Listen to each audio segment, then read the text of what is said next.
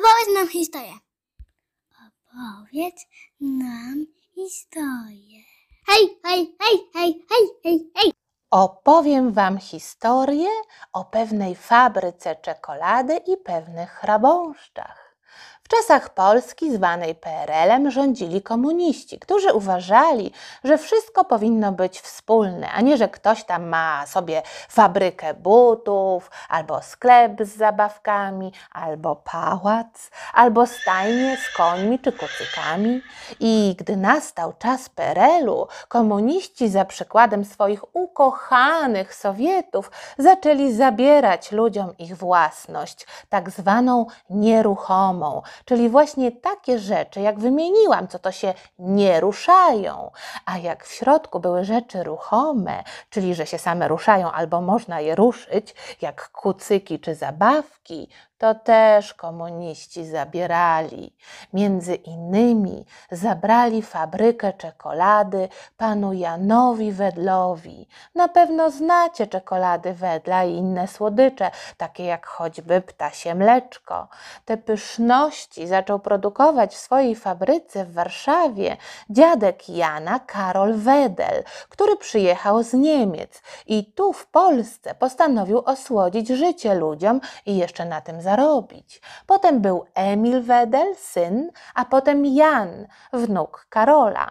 I ten ostatni prowadził fabrykę przed wojną i świetnie mu szło. Polska czekolada Wedla była znana i lubiana w całej Polsce, a nawet w innych krajach. Mm, Wedel, yes, yes, I know, it's delicious. I jeszcze do tego Jan Wedel był takim dobrym kapitalistą, bo u niego w fabryce robotnicy pracowali tyle, ile powinni, czyli 8 godzin. Oprócz tego założył przedszkole dla dzieci, robotników, a nawet teatr i orkiestrę. Pracownicy Wedla nie dość, że pracowali wśród zapachu czekolady, hmm, to mieli czas i pieniądze, żeby potem jeść czekoladę ze swoimi dziećmi.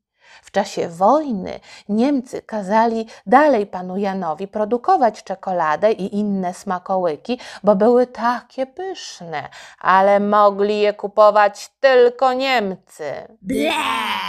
Niestety po wojnie komuniści nie dość, że zabrali fabrykę panu Janowi, to wręcz go wyrzucili z niej i nie pozwolili mu w niej pracować.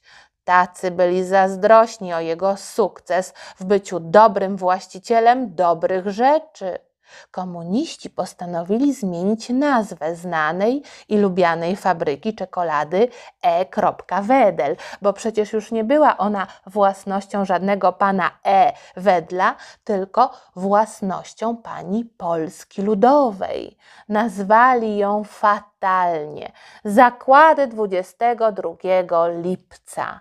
Nazwa dziwaczna, a wzięła się stąd, że właśnie 22 lipca powstał polski komunistyczny rząd, który tak naprawdę kazał zrobić Stalin i wepchnął sobie do tego rządu polskich komunistów, którzy byli mu całkowicie posłuszni. To był taki marionetkowy rząd Stalina i on sobie ciągnął za sznureczki tych swoich marionetek, jak mu się podobało. Nadanie fabryce czekolady nazwy z taką datą było oczywiście ukłonem marionetek przed Stalinem, ale nawet komuniści wiedzieli, że jak napiszą taką nazwę na słynnej wedlowskiej czekoladzie, to ludzie nie będą wiedzieć, że to czekolada od pana Wedla i jej nie kupią. A może jeszcze jak skojarzą z tą datą marionetkową, to w ogóle będą omijać taką czekoladę szerokim łukiem. Dlatego komuniści skombinowali sobie taką nazwę. 22 lipca dy.e.wedel. Literka dy oznaczała słowo dawny, a literka e to od imienia taty pana Jana Emila, bo to on kiedyś, jak jeszcze nie było tak dużo tych czekolad, podpisywał się na czekoladach. PRL-u ten podpis był już oczywiście nieodręczny, tylko nadrukowany i niestety mniejszy niż te dziwaczne 22 lipca. Z biegiem lat literki w napisie dy.e.wedel były coraz większe. Na szczęście. To może był znak, że komunizm się kiedyś skończy. I rzeczywiście, jak się komunizm skończył, jak upadł PRL, to literki w wedlu były normalne, a 22 lipca zniknął zupełnie.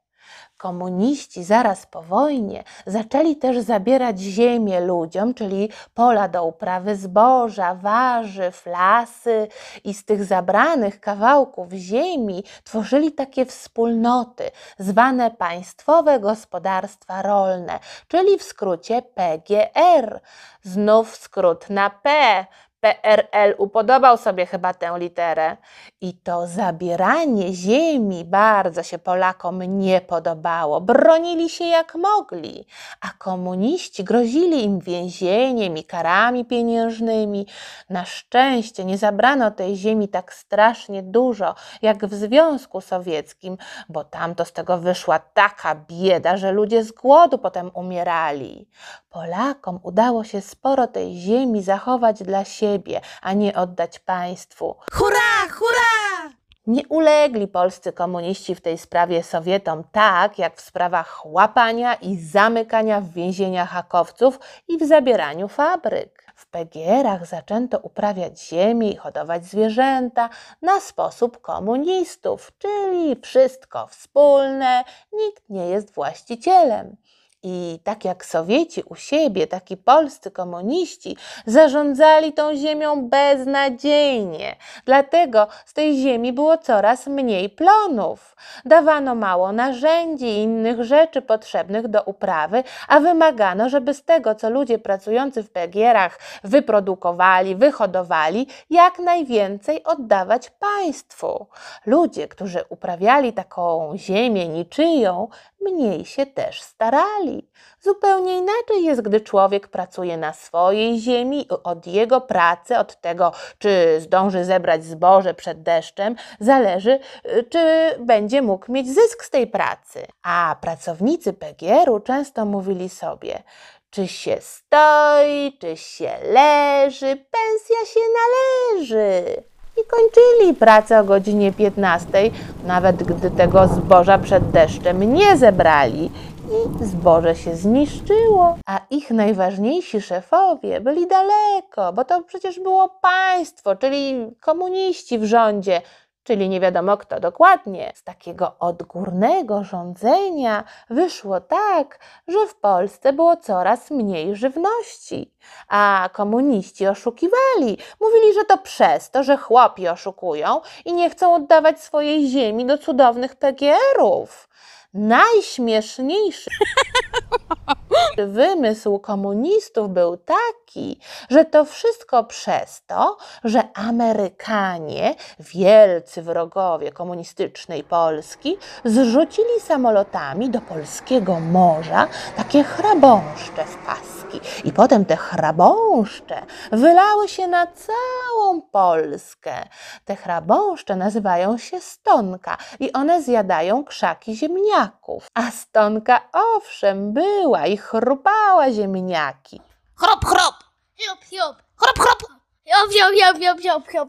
Ale to dlatego, że komuniści nie dawali rolnikom specjalnych płynów na zwalczenie tej stonki. O tych Amerykanach to była kompletna bzdura. Taka to była historia. Bombala historia!